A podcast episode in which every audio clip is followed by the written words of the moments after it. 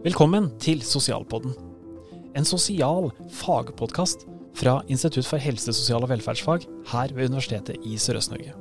Du vil bli kjent med noen av de temaene vi underviser i her ved vernepleier- og barnevernspedagogutdanningene, og du vil også høre noe fra de spennende eksterne foredragsholderne vi bruker. Så len deg tilbake og lær noe nytt. I dagens episode av eh, Sosialpodden så skal vi snakke om og rundt én bok. Og det er boka 'Hva er barnevern?'. Og vi, det er denne gangen bare to stykker. Jeg, som er sosiolog og førstelektor på barnevernutdanninga i Porsgrunn. Og viktigere enn meg, forfatteren av boka, professor Reidun Follestad. Velkommen. Takk skal du ha. Før vi begynner å snakke om boka, fortell litt om din bakgrunn. Ja, det er alltid en utfordring å vite hvor man begynner å slutte. Jeg er professor i barnevern, det sier du. Um, det høres lett ut som det er en, eh, en planlagt uh, vei mot en karriere. Det hadde aldri vært. Jeg er vel en som aldri helt har visst hva jeg skulle bli. Har aldri helt funnet ut hva jeg skulle utdanne meg til. Har drevet og søkt lærerskoler sånn innimellom just in case. Men uh, begynte å jobbe med ungdom, jobba med barn, jobba litt i barnevernet. Og fant vel ut etter hvert at dette hadde jeg lyst til. Uh, jeg tok uh, et hovedfag i sosialpedagogikk. Og så fikk jeg jobb på det som da heter NKSH. Så ble Høgskolen i Oslo som en ganske livredd og ung foreleser i barnevern. Og, og, tiden etter det har jeg vært på høyskole og universitet. Veldig lenge på Nord universitet og på UiA, før jeg kom hit til USN for ett år siden. Og du kan si at mesteparten av min Det jeg har lært, det har jeg lært av ungdom i barnevernet, av barn i barnevernet og av foreldre og andre i barnevernet. Sånn at gjennom alle disse årene, så etter hvert begynner å bli mange, så har jeg hatt eh, forskningsprosjekt først på, etter hvert mye mer med barn, unge og foreldre i barnevern. Ja, kommer, Vi kommer tilbake til dette med hva er kunnskap og hva er viktig kunnskap i barnevernet. og Da har du allerede sagt litt at kunnskap fra de som har skoa på, er sentralt. Eh, du får da en henvendelse fra Universitetsforlaget om å skrive en bok i Hva er-serien. Eh, det regner jeg med var en utfordring du måtte tenke deg litt om før du sa ja til, eller bare det det? Er, en, det er jo en ære å bli spurt om dette, for dette er en serie som har veldig mange ulike emner, som har et veldig bestemt format, og som man blir invitert til å skrive på ett bestemt tema. Arkitektur, hva er en roman? Hva er filosofi, hva er eh, ytringsfrihet, og hva er barnevern? Eh, så jo, det må jeg innrømme at først så ble jeg jo veldig sånn Hm, det er stas å bli spurt om. Så ble jeg litt vettskremt og tenkte dette kan noen andre gjøre mye, mye bedre. Eh, dette vet jeg ikke om jeg tør. Men samtidig hadde jeg jo lyst å prøve, i hvert fall. Så jeg sa ja, og begynte. Og holdt på veldig lenge. det skal være sagt. Ja, for du skal samle et felt som er bredt, som, hvor det er veldig mange temaer som henger sammen. Eh, som spenner fra enkeltindividet til liksom, overordna samfunnsforhold. Det er ikke småtteri, og dette skal da ned på ganske få sider, som du sier. Så du, du må velge ut både tematikk og vinklinger eh, veldig, veldig tydelig. Eh, du har valgt å bruke noen fortellinger som, som grunnlag for hva skal vi si, framstillinga di.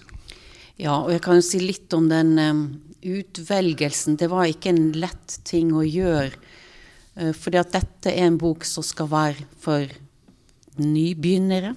De som ikke har noe kjennskap til feltet. Uh, det skal òg være en bok, og det er ganske ambisiøst, og bringe nye perspektiver inn til feltet. Så jeg må jo bare si at jeg brukte ganske lang tid på å eh, finne ut for meg sjøl at jeg kunne ikke lage en mikrobok der alt i barnevern fant en plass. For i tillegg til det du sier med at det er mange ulike nivå, så er det jo mange fag inne her. Vi har juss, vi har barnevern, vi har sosiologi, vi har uh, politikk, vi har statsvitenskap. Vi kan liste opp veldig, veldig mye. Og ikke minst så er jo dette forståelig nok og heldigvis et felt som har veldig mange interesser i seg. Eh, så når jeg etter hvert begynte å gjøre noen valg, eh, så handla det først om å prøve å finne noe tema. Når jeg skal gjøre noen sorteringer, er det noen tema som jeg tenker er viktig um, å bli i. Uh, jeg tenkte òg um, hvordan går det an å gjøre disse temaene tilgjengelig på måter som ikke er abstrakte og fjerne, for det, det er ikke det denne boka skal være. Så har jo min måte å møte barnevernet på har først og fremst vært gjennom fortellinga. Når jeg var ferdig med min avhandling, og for de som har gjort sånne ting i universitetet, så vet jeg at det å skrive en doktorgradsavhandling er en akademisk botsøvelse der det er veldig mange regler som skal følges, og måter å gjøre ting på. Når jeg var ferdig med den, så tenkte jeg nå skal jeg gjøre det jeg har lyst til. Og det jeg hadde lyst til da, og så jeg gjorde da, det var at jeg skrev en bok sammen med ti ungdommer i barnevernet. Der de fortalte sine fortellinger, der vi jobba sammen om én og én fortelling, til vi satt med ti fortellinger der hver ungdom sa 'dette er min'. Og Deretter så hadde vi en samtale rundt disse fortellingene sammen med noen veldig kloke fagfolk. Så skrev vi videre på det. Og jeg tror det sammen med en del andre ting, har gjort at uh, jeg, ser styrken i fortellinger. Altså jeg, jeg vet hvordan fortellingen berører meg. Ifra jeg hadde en ungdom som sa det at Jeg husker natt til lille julaften. Eller natt til julaften. Lille julaften, tror jeg det var. Uh, jeg husker at stefar hadde spikra igjen soveromsdørene der søstera mi var og mamma var. Og så løfta han brannslukningsapparatet opp og så heiv han meg ut i snøen. Og jeg husker hvor vondt det gjorde.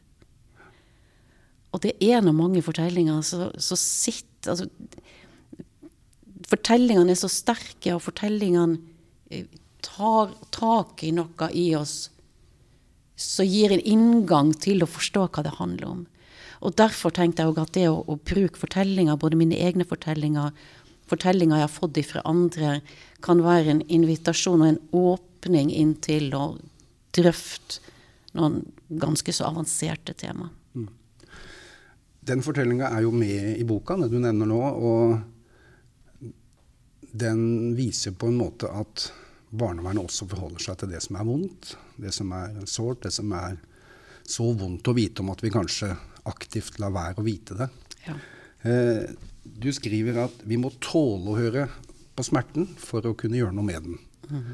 Eh, da tenker jeg på studentene våre som må møte dette, alle som jobber i feltet, men også alle som kommer i berøring med barn og unge som har det vanskelig, og familier som sliter med å få det til. Ja, vi må det, og det, det, det er ingen lett øvelse. Eh, det er ikke noe man kan lese seg til. Og jeg tror Altså barnevernet har, Det er jo derfor vi har et barnevern. Det er jo for å kunne verne de barna som har det ondt, og de som har det uttrykt der de skulle ha det tryggest. Um, og det gjør oss alle ondt å, å se og våge å tenke at barn kan ha det farligst når de går inn døra hjemme og lukker den igjen bak seg.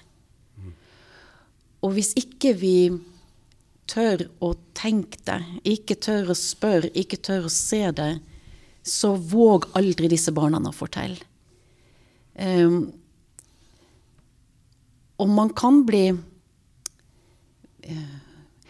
Jeg tror aldri man skal bli rutinert på å møte. Men det er jo en trening og en kollegial ting òg, det å, å snakke gjennom smerten sin og kunne legge den litt bort for å kunne hjelpe fordi at hvis man blir lamma i smerten Man kan jo flyte helt inn i et barn eller en ungdom eller en mamma eller en pappa sin fortvilelse, og så, så, så gråter du med, og så får du ikke gjort noe. Men det er jo der profesjonaliteten kommer inn. Det at du skal kunne spørre, tål, hør, og samtidig handle. Og vit hvordan du kan handle på gode måter for å gjøre det bedre for dette barnet. Og det er jo sjelden at det er bare ett barn som har det vondt. Når ett barn har det vondt, så er det mange rundt òg som har det vondt. møte med det vonde eh, Hvis det spør jeg ut fra den breie erfaringa du har med å jobbe innenfor barnevernet, direkte og, og som forsker, bør man eh, tenke seg om før man går i gang med et studie for å bli barnevernspedagog, eller tenker du at det er et felt som er mer givende enn smertefullt, for å si det sånn? Jeg vil si det siste. Det vil jeg absolutt både si og håpe og tro. Og hvis det ikke er sånn, så må det bli sånn. Fordi at um, det meste av det barnevernet gjør, er jo hjelpetiltak. Og de beste hjelpetiltakene er jo der man greier å finne gode løsninger sammen med barn, foreldre, foresatt, familie, nettverk, hvem nå som er i disse omgivelsene rundt barnet. Og det er jo en utrolig givende oppgave. Og det å kunne være med, og det å kunne ha eh, makt Barnevernet har makt. Eh, det å ha tilgang på å kunne åpne døra sånn at en familie får den hjelpen det trenger. Og det kan være så mange ting. Noen ganger er det økonomi, noen ganger er det veiledning. Noen ganger er det hjelp til å finne ut hvordan håndterer vi dette. Eh, hvordan håndterer vi dette sinnet som plutselig kommer.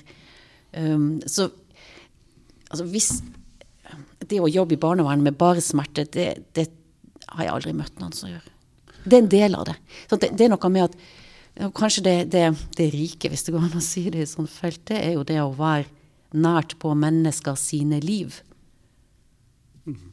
Du har jo med flere av de positive fortellingene også, så sånn sett så er det en fin balanse i det utvalget du har gjort av fortellinger. Så det var kanskje litt uh, litt sånn smart av meg å spørre på den måten. Men det, men det, er nettopp denne dobbeltheten. At det er Du møter det vonde og det såre, og du møter også det gode når man kan være med i gode endringsprosesser. Du starter ganske tidlig i boka med en veldig todelt fortelling, som vi etterpå veldig raskt skjønner at henger veldig nært sammen. Sara og Markus. Eh, hvor, eh, og det er en fortelling som dukker opp flere ganger i boka, og du bruker det nettopp for å si at en situasjon ser ulik ut alt ettersom hvor man står, hvem man er i sammenhengen. Eh, og da går det også inn på dette med perspektiv, og sier noe om at hvilket perspektiv vi anlegger eller tar, har betydning. Og så går du enda litt lenger og henviser da til at uh, man kan tenke om perspektiv som noe som velges for en, eller at man blir valgt av et perspektiv. Kan du ikke si litt mer om det? Det kan jeg si. Og det er en, en rar liten bok som ikke veldig mange har lest, som heter «Samtal med B'. Eh, så en svensk psykolog som heter Sven Hesle skrev for mange år siden. Og det som fascinerte meg med det, det var at han, han delte perspektiv i det vi velger, og det som velger oss. Um, og jeg tenker at uh, som forsker og som barnevernsarbeider eller hva som helst, så er det mange perspektiv vi kan velge. Sånn jeg kan velge at jeg snakker med barn eh, fordi at jeg vil ha et barneperspektiv, eller foreldre for jeg vil ha et foreldreperspektiv. Jeg kan velge noen teoretiske innganger og si at nå vil jeg se på et sånn samfunnsperspektiv. Hvordan virker dette inn? Eller et mer sånn psykologisk perspektiv. Hva skjer nå inne i Så det er mange ting vi velger, og vi velger hele tida, og vi, vi, gjør mange bevisste valg. Men så, så er det noe som bare helt, helt selvfølgelig for oss. Vi har mange, mange selvfølgeligheter. Eh, jeg er den jeg er. Jeg er født der jeg er født. Jeg har vokst opp sånn som jeg har gjort. Jeg lever i en verden der jeg eh, ser rundt meg og, og, oppfatter veldig mye som helt selvfølgelig, og tenker ikke på det engang. Og jeg tenker ikke på det før det er noe som bryter. Før det er noen som gjør noe annerledes. Eh, og det kan handle Jeg tror, jeg husker ikke helt om jeg har den fortellingen i boka, men jeg møtte en gang en, en veldig flott indisk kollega. Eh, så, eh, så inviterte meg til et måltid. Vi var på en konferanse. Eh, og vi satte oss ned og skulle spise, og hun satte frem maten uten bestikk. Eh, og, eh, og jeg ble litt sånn betutta, for å si det pent. Jeg skjønte ikke helt hvordan jeg skulle angripe denne maten. Og hun tar da ris og putter i handa og dypper i saus og spiser. Og er det noe jeg har lært ifra min barndom, så er det at du fingrer ikke med maten. Eh, du, du, spiser ikke med fingrene, altså du spiser med kniv og gaffel, og du stikker ikke på gaffelen, og ikke skal du ha albuen på bordet. Og det er veldig mange sånne høflighetsting som man bare gjør. Og så begynte vi å snakke om det her, og så sier hun Hvorfor kan ikke du spise med fingrene? Og jeg gjorde det jo da. Eh, og så sier hun ja, kan dere ikke spise noe mat med fingrene? Jo, sier jeg, du kan spise skive. Hvorfor det? sier hun. Nei. Kylling. Hvorfor kylling? Hvorfor det? Så, det er jo en veldig sånn banal ting på ett vis, men samtidig så er det i de der møtene når noen gjør noe helt annet, så er selvfølgelig for de, så forstyrrer min selvfølgelighet. Og det er jo ikke sånn at jeg har valgt dette, det er bare blitt sånn. Når jeg fikk barn, hvordan ter du deg, skal det ligge på mage, rygg, hva gjør du? Altså, det er mange ting som vi bare har lært, og som vi bare gjør. Og når jeg tenker at det er viktig òg å, å, prøve å bli litt sånn, eller være litt var på at vi har noen selvfølgeligheter med oss som ikke vi har valgt bevisst, så kan det òg være litt lettere å skjønne hvorfor blir jeg så forstyrra i møte med noen andre. Og i barnevernet så kan det være å møte folk med andre kulturer. Det kan være hjemme jeg kommer inn i, så i mitt hode er ganske så kaotisk. Både med tanke på regler og med ryddighet. Um, og da er det jo mine egne selvfølgeligheter jeg møter, ikke, ikke, noe annet. Og jeg tror det er så viktig for oss å reflektere over, eller gi oss den muligheten til å reflektere over hva, hva var det som forstyrra meg her, da? Og er det sikkert at det er riktig alt det som jeg har liksom tatt som selvfølgeligheter? Og de, den uh, spenninga finner vi jo igjen gjennom hele boka. Dette at uh, to helt ulike fortellinger som springer ut av den samme situasjonen, kan begge være sanne. Eh, begge være gyldige. Og her handler det egentlig ikke om å eh, gi den ene forrang eller den ene rett og den andre feil, men at det rett og slett er helt nødvendig å forstå hvorfor det ser så ulikt ut for personer som har opplevd den samme situasjonen. Eh, perspektivet som velger deg, på et vis. altså. Er dette vi kanskje ofte kaller for for- eller førforståelse?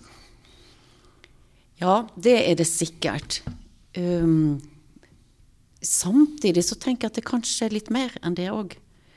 Uh, og når studenter kanskje særlig så holder på med oppgaver, det kan være bacheloroppgaver, det kan være masteroppgaver, så er veldig opptatt av å legge til side sin forforståelse.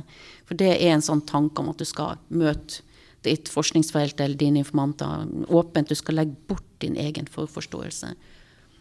Så um, er jo det en uh, fortjenestefull øvelse, men det tror jeg ikke går an. Det går ikke an. Vi blanker ikke ut hodet vårt, vi blanker ikke ut kroppen vår heller. Altså, vi har med oss en masse, heldigvis, forståelse og erfaring som er med på å Som bidrar til hva vi ser når vi ser noen ting. Sånn at jeg tenker at det er mer enn for forståelse. Det er mer enn fordommer. Det er, det er jo det, det gode i at altså, vi, vi, greier jo ikke å manøvrere i verden hvis ikke vi har med oss noe forståelse av hvordan verden rundt oss er. Boka di den starter vel med en, en mer beskrivende del. Du går inn og, og, sier noe om hva som er barnevernets mandat. Eh, grunnleggende føringer. Og du går gjennom oppbygninga eller organisering av barnevernet fra departement og storting ned til den enkelte barnevernspedagog eller barnevernsarbeider i kommunene, og også inn på kontroll- og tilsynsordningene. Så vi får sånn sett en, en brei beskrivelse av barnevern, hva barnevernet er. Eh, og så bruker en del tid på lovverket og, lovverket og hvordan den har endra seg gjennom tida. Og da starter vi altså helt i, på slutten av 1800-tallet med vergemålsloven. Eh, og helt fram til de, de siste endringene. Eh, den prosessen den forteller jo at barnevernet er i utvikling hele tida. Eh, vil du liksom si noe om hva som er hovedtendensen i den utviklinga? Ja, skal ikke gå veldig sånn dypt inn i historien, men barnevernet starta jo egentlig som en, eh, et forsøk på å løse både fengselsvesenet og skoler sine problemer. Fengselsvesenet hadde ikke noe straffeordninger annet enn for voksne. Skolen sleit allerede da med de uartige barna som skulka og så forsvant ut og ikke gjorde det de skulle gjøre. Sånn at eh, når barnevernet, når vergerådsloven kom i 1896, så var jo det et forsøk på svar på dette. At man skulle finne måter å ivareta eller ikke Jeg tror nok det var mer å oppdra og disiplinere disse barna. Uten å sette i fengsel og uten å måtte ha de inn i skolen. Sånn at um, den historien, de store bevegelsene i historien, er jo uh, Altså, starten var jo veldig Oppdragelse er nesten et for pent ord. Disiplinering. Det å plassere i anstalter. Gjerne på en øde øy. Vi har Bastø her, vi har mange andre plasser òg. Men jo lenger unna barn kunne flyttes, jo mer kunne de håndtere de. Og det var jo eh, armeen, sant? det var hæren som var det gode mønsteret. Og de tidene der var grusomt onde, og det rulla opp mye stygge ting i etterkant av det. Så gikk det nå bølger mye mer mot familien og mot forebyggende arbeid. Nå hopper vi langt frem. Men loven av 1953 var veldig klar på familiens plass og familiens rolle og familiens ansvar for barn. Og, så, og, dette har jo fortsatt. Dette er ikke borte, sånn forebygging og, og, innsats i familien. Men så har det nok gått mer i forhold, altså i retning av rettigheter. Barns rettigheter. Barns selvstendige rettigheter. Og da kan man jo noen ganger stille spørsmål om barns selvstendige rettigheter har gått løpt for langt ut av familien. Sånn for barnet er fremdeles en del av sin familie. Men uh, den gode tingen i denne bevegelsen er jo at uh, hjelp og innsats nå på en helt annen måte er innretta mot barn, mot familier og mot de behovene de har. Og så er det fremdeles mye å plukke på der. Ved siden av det så er det jo en, egentlig en, en egen historie om forståelse av barn. Eh, fra en forståelse av barn som syndige, onde. Jeg skriver om min bestemor var et ondt barn. Eh, og er veldig snar med å si at min bestemor var et fantastisk menneske. med så plastra knær, og så ropte oss inn, og vi fikk skive med smør og sukker. Og noe, noe. det trengte ikke å være så galt for at vi skulle få det. Men hun er født um, på en tid der oppdragelseslitteraturen var prega av at barn er syndig onde ifra fødselen av. Og de må tuktes, de må kues, og det optimale, står det i en oppdragelsesbok, um, er hvis du som en far bare med ett blikk over middagsbordet får den lille poden til å skjelve i skrekk og sitter helt stille. Så det, er jo en historie med det onde barnet som heldigvis er forlatt. Ja, Så det er parallelle prosesser da med at loven kanskje følger en endring i barnesyn, hvordan vi forstår barn, hvordan vi forstår oppvekst. Eh, og, og du er opptatt av å beskrive det som en endring fra det å eh, tenke om omsorg som en ytre behovstilfredsstillelse, altså mat og klær og, og husrom, til et fokus på barnets indre utvikling, og at det er det som etter hvert får større og større plass når vi tenker om hva som er riktig omsorg for barn. Ja, og i en sånn historietenking så, så tenker jeg det er superviktig å tenke at vi stokker på slutten av en historie. Vi står alltid i en historie. Det er lett å se tilbake og tenke at alt før var ille, og nå er vi kommet dit vi skal være. Men det er jo virkelig grunn til å stille spørsmål ved, og det har mange gjort, om vi er i ferd med å gå for langt inn i mennesket. Inn i barnet og inn i relasjonen.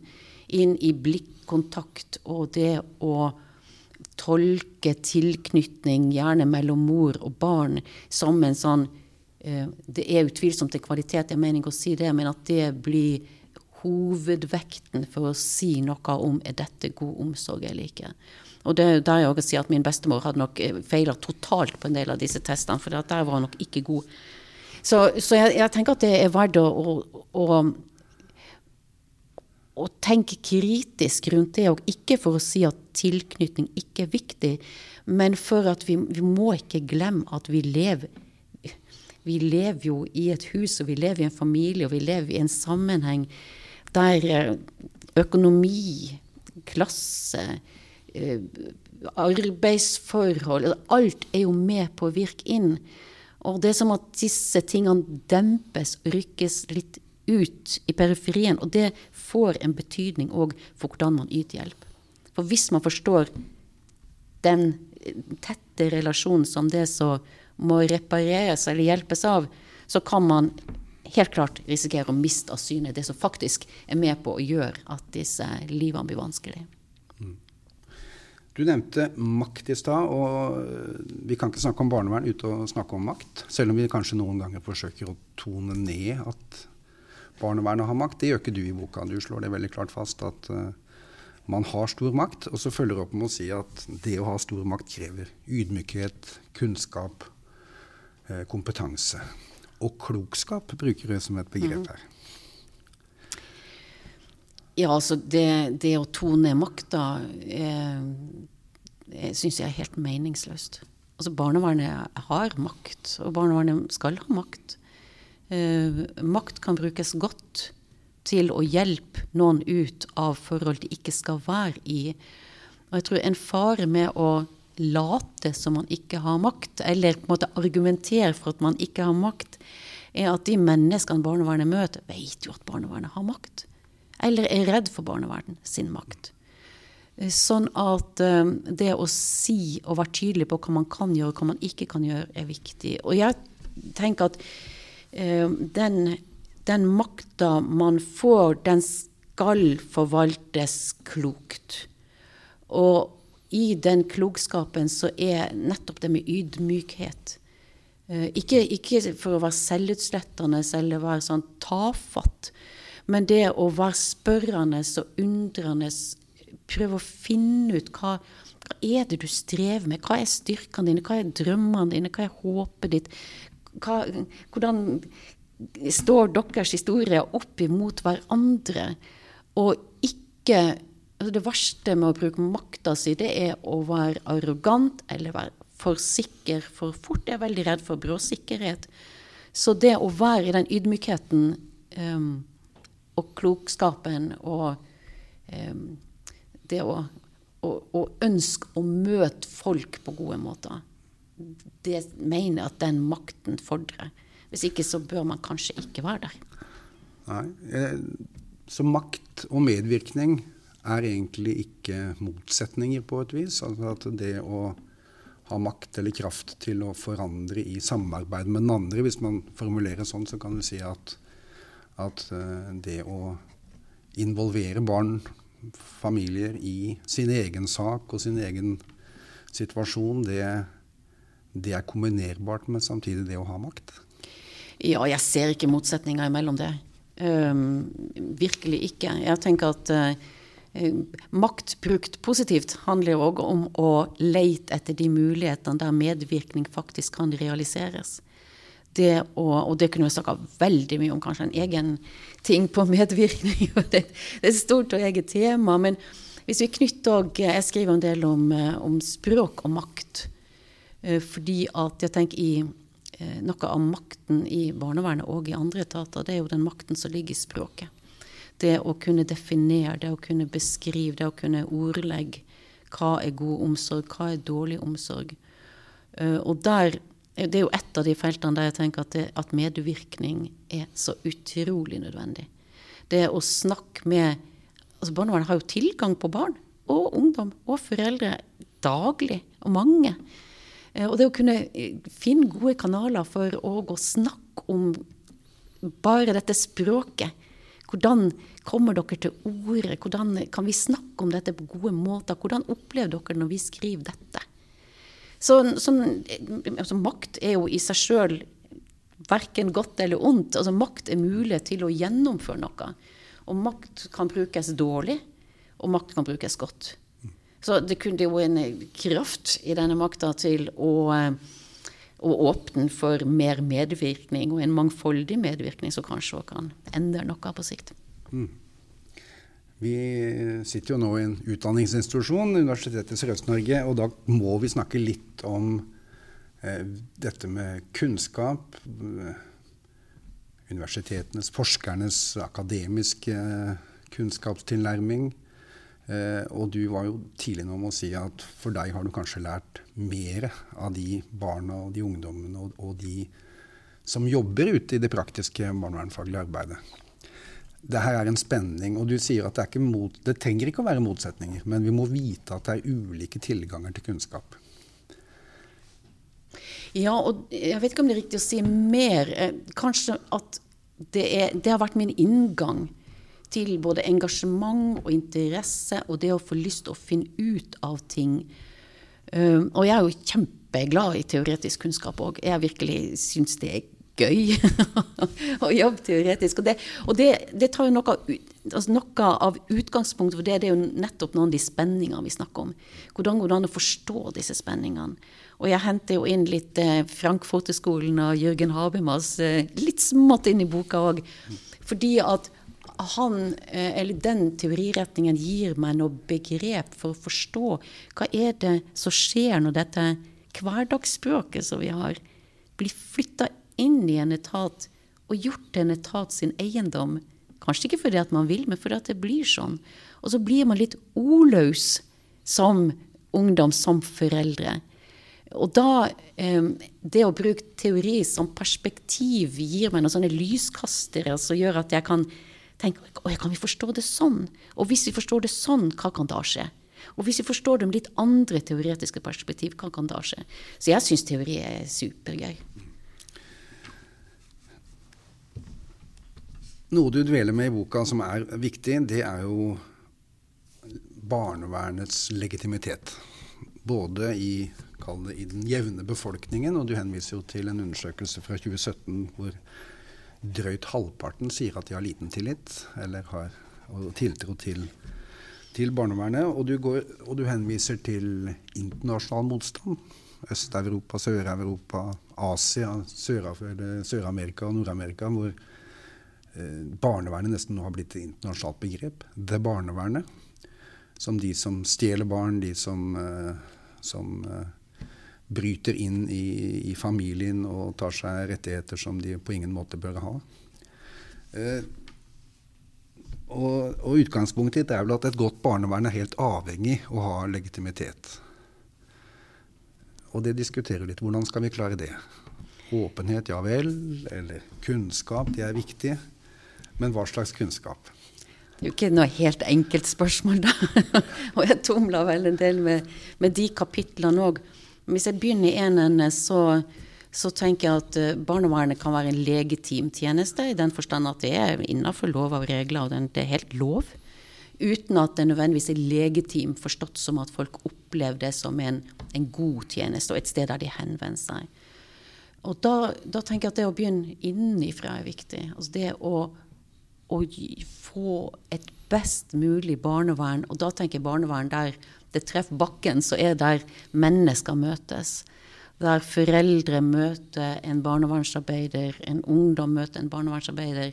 Det er der fundamentet for legitimiteten ligger. For det handler om tillit. Det handler om tillit, troverdighet.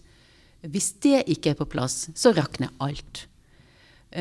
Eh, og så må man se derifra og ut.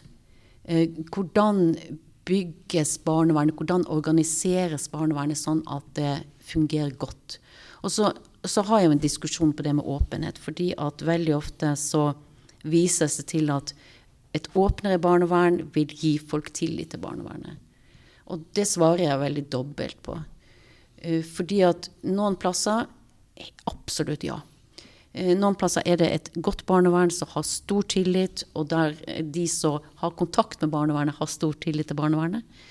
Eh, der kan man godt åpne dørene i litt sånn overført betydning og få innblikk i tjenestene, i aktiviteten, i arbeidet, og tenke ja, se der, det er det de gjør. Ja, men det kan vi forstå. Andre plasser så er det ikke sånn.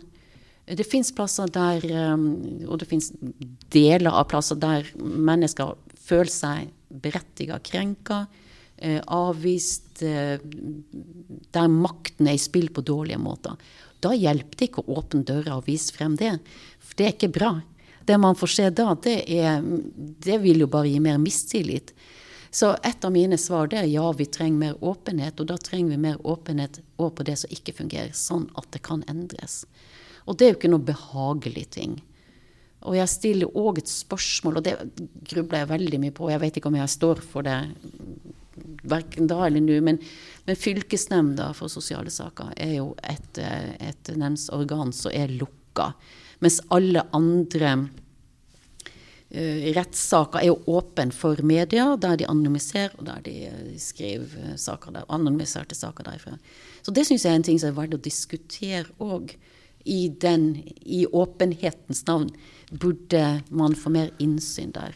Og så altså Den svære verdensdiskusjonen, den um, Mm. hvor tar man tak i den, da? Jeg tenker at den, den har veldig mange ting. Det, bare for å ta et par sånn, korte poeng, så er vi heldige som har et land der vi har ganske stor tillit til vår stat. Uh, og det er annerledes enn mange av disse andre statene der, uh, ja, der tilliten ikke fins på samme måte. Og når man bruker det som lupe inn på det norske barnevernet, så eh, er ikke det sikkert at man ser apropos perspektiv, at man ser noe helt annet enn det som man ville ha sett fra innsiden. Men vi har jo et uh, forklaringsproblem utad. Vi har, nei, vi har dommene i EMD. Så, um, men det er ganske heavy. Altså, når man virkelig begynner å sette seg inn i den kritikken mot, mot barnevernet, så er det svære ting. Men jeg tror vi må jobbe innenfra, ordentlig solid innenfra, og ikke gi oss på at vi skal ha et barnevern som er godt og hjelpsomt for barn. Mm. Ja, for jeg, jeg, leste det som at du sier nettopp disse to tingene samtidig. At uh, jo, hvis omverden, eller uh, både i, i innenlands og utenlands, hadde visst mer, så hadde de hatt større forståelse. Men at det bare er halve svaret. At det andre svaret er at barnevernet på alle nivåer må tørre å stille spørsmålstegn ved egen virksomhet og, og hele tida jobbe med å forbedre bedre arbeidet og gi hver og en mulighet til å kunne delta og være med å forme sin egen sak. Kanskje i større grad enn vi har klart. Vi nærmer oss slutten, men jeg hopper tilbake til noe av det du skriver veldig tidlig i boka. Som, og ikke for å forenkle dette store og vanskelige feltet, du sier noe om at barnevernet er først og fremst de menneskene som arbeider der. Kan du si noe mer rundt det, eller det, står det egentlig for seg sjøl? Jeg tenker, Når jeg sier det, så, så, er det fordi at når noen trenger hjelp, eller når noen får en bekymringsmelding på seg, um, så er det de menneskene som jobber i barnevernet, så er barnevernet så andre møter.